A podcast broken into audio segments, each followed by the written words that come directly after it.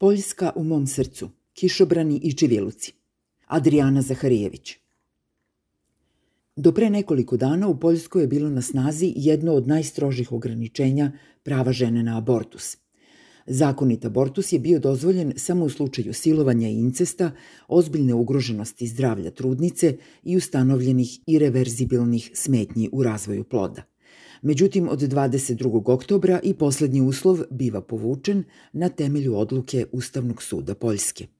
Prva dva su i dalje na snazi, gde je za prvi neophodna službena potvrda tužioca, za drugi potvrda lekara.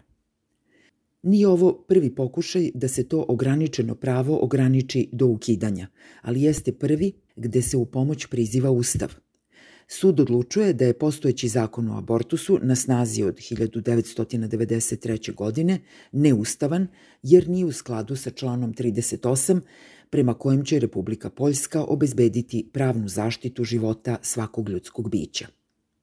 Budući da je Ustav na snazi od 1997. te da od tada nije menjan, izgleda da se nešto umeđu vremenu dogodilo s kategorijom ljudskog bića – Ne treba to da nas začudi. Pravna istorija abortusa je kratka, iako je istorija prakse duga kao i samo čovečanstvo, pa se iz te istorije nešto može zaključiti.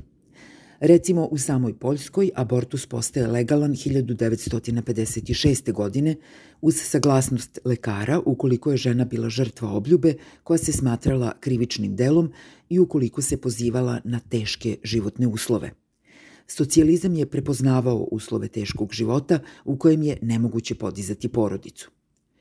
U istoj toj Poljskoj pad gvozdene zavese donosi drastičnu promenu razumevanja o tome ko treba da odlučuje da li je porodica moguća ili poželjna. Već 1989. kao prvi korak ka pluralizmu, kapitalizmu i liberalizmu razmatra se totalna zabrana prava na abortus – Umesto žene i radnice, subjekat novog političkog projekta je žena i majka, a socijalistička porodica se proteruje u mračne ćoškove istorije, zabranama i uzdizanjem verskog identiteta, iznova otkrivenog u svim zemljama s one strane zavese. Godine 1993. u Poljskoj je donesen kompromisni zakon o abortusu – nije se otišlo daleko kao u Irskoj, Malti i Andori, gde je pobačaj bio zabranjen u gotovo svim okolnostima, ali je pravo žene stavljeno daleko iza prava države da se umeša u odgovorni izbor partnera o vremenu začeća, mogućnostima života koji se neće odvijati u teškim uslovima, broju dece i tako dalje. Nova liberalno-demokratska država kaže obavezno je ili množenje ili abstinencija – Za one koji imaju znanje i sredstava može i kontracepcija, ali samo u svoja četiri zida. O tome potiho jer nije u skladu s nalogom vere. Za ovih 20 godina se dogodilo nekoliko stvari.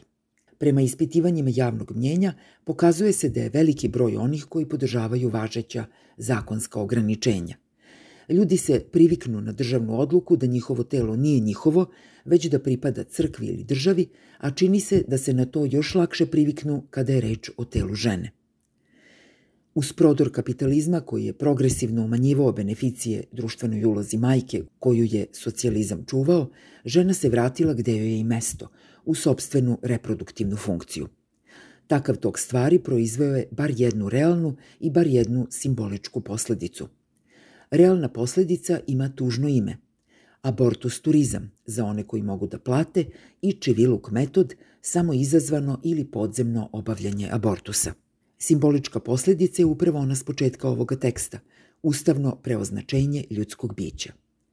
Fetus u međunarodnim dokumentima, ako se pod njima ne misli na crkvene dokumente, to još uvek nije. I sasvim drugog konteksta znamo da Ustav nije Biblija i da se može menjati. Ovde međutim nije došlo do promene teksta jednog ustava, nego do promene interpretacije jednog važnog pojma. U Poljskoj izgleda moralo da bude tako, jer su prethodni pokušaji da se parlamentarnim putem dođe do istog učinka propali.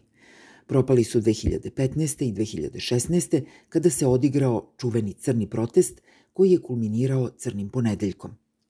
Taj oktobarski ponedeljak ostao je upamćen po velikoj kiši koja nije sprečila reke žena da se sliju na poljske ulice u svim velikim gradovima, ali i u mnogo manjim. Nešto manje od 100.000 ljudi protestovalo je protiv mogućnosti da parlament na takav način presudi svojim građankama. Crni ponedeljak je žene pozivao na ženski štrajk po uzoru na islandski ženski štrajk iz 1975. On je sa svoje strane nadahnuo irski štrajk 2017. kada je konačno oborena totalna zabrana abortusa u toj zemlji. Svi koji su pratili dešavanje u Poljskoj dosetili su se Čiviluka i Kišobrana kada se sredinom aprila, usred najljuće krize izazvane COVID-19, ponovo na jednom poteglo to izgleda ključno životno pitanje Poljske države. 15. aprila je trebalo da se razmatra nacrt zakona koji bi uveo potpunu zabranu abortusa. Javna okupljanja su, kao i svuda, bila strogo zabranjena. Parlament je zasedao online, ali su se bližili izbori koji će ogromnim delom biti organizovani upravo oko retorike o poljskoj porodici. Simbol kontrakampanje na društvenim mrežama, jedine koja se mogla izvesti u datom trenutku, govorila je nešto o paklu žena, paklu u kojim se životima žena raspolaže na način koji je u neskladu sa 38. članom Poljskog ustava. Jer ljudsko biće podrazumeva i dostojanstvo i sposobnost odlučivanja i mogućnost odlučnog raspolaganja sobstvenim telom i pravo da se ne bude majka preno što se dete željeno i izabrano odista i rodi. Ogroman skok u broju zaraženih bez presedana u Poljskoj izgleda da je bio oportun trenutak da se ovaj turobni proces odista i dovrši. To što je na ulicama i ovoga puta bio zavidan broj pobunjenih Poljakinja i Poljaka, znamo to iz lokalnih scenarija, upotrebljeno je da bi se pooštrile mere i da bi se demonstranti optužili za rast zaraze. Kakav će biti kraj ovog političkog scenarija, svakako ostaje da se vidi. Već sada, međutim, valja razmišljati o novoj interpretaciji ljudskog bića koja ne samo da uvodi čiviluk, ženski pakao i crni kišobran kao trajni aksesoar, već iz temelja menja polje osvojenih sloboda. Ne samo u Poljskoj, već potencijalno svuda.